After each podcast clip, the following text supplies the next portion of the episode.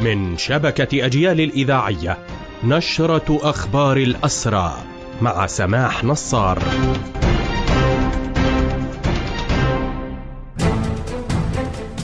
أهلا ومرحبا بكم. إلى هذا اللقاء خمسة وثمانون مواطنا على الأقل اعتقلهم جيش الاحتلال في حملة الاعتقالات اليومية التي يشنها بشكل واسع منذ السابع من أكتوبر.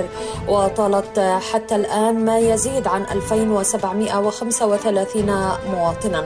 بين المعتقلين اليوم الفتاة فيروز سلامة وهي طالبة دراسات عليا في جامعة بيرزيت وتم اعتقالها من سكنها الجامعي.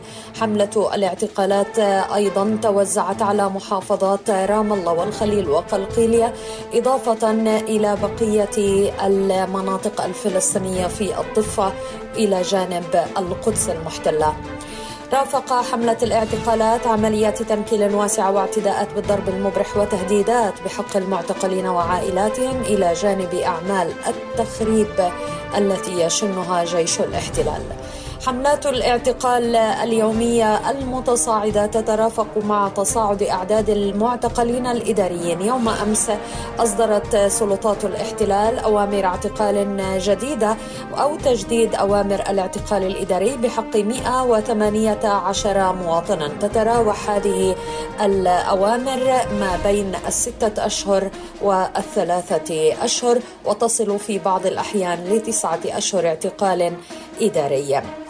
في أخبار نشرتنا أيضا نشير إلى الخبر الوارد من داخل سجون الاحتلال ونقلته هيئة شؤون الأسرى والمحررين عن محاميها ويتعلق بعزل الأسير الأردني عمار مرضي في سجن سلمون وترفض سلطات الاحتلال الكشف عن مصيره أو السماح بزيارته. قالت هيئة شؤون الأسرى والمحررين ونادي الأسير إن الأسير عمار مرضي معتقل منذ انفراديا منذ الخامس من نوفمبر تشرين ثاني الجاري بعد نقل العشرات من الأسرى من سجن عوفر إلى عدة سجون وسط عمليات تنكيل وتعذيب.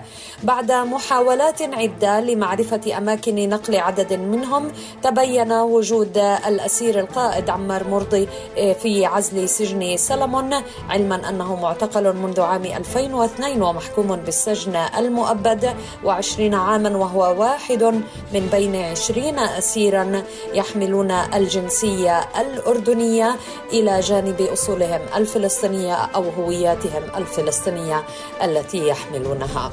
بهذا مستمعينا تنتهي هذه النشرة الخاصة بأخبار الحركة الأسيرة قدمناها لحضراتكم من راديو أجيال. تحية الحرية لأسر الحرية للصامدين رغم الآلام والعذابات واستفراد إدارة سجون الاحتلال بهم وسط تغييب لأخبارهم عن أبناء شعبنا. ولكن تستمر الوقفات التنديدية والمطالبات للصليب الأحمر الدولي بالإطلاع على أوضاع الأسرى الفلسطينيين في سجون الاحتلال. الاحتلال الحرية لأسرانا والمجد والخلود لشهدائنا الأبرار. تحياتي سماح نصار وإلى اللقاء.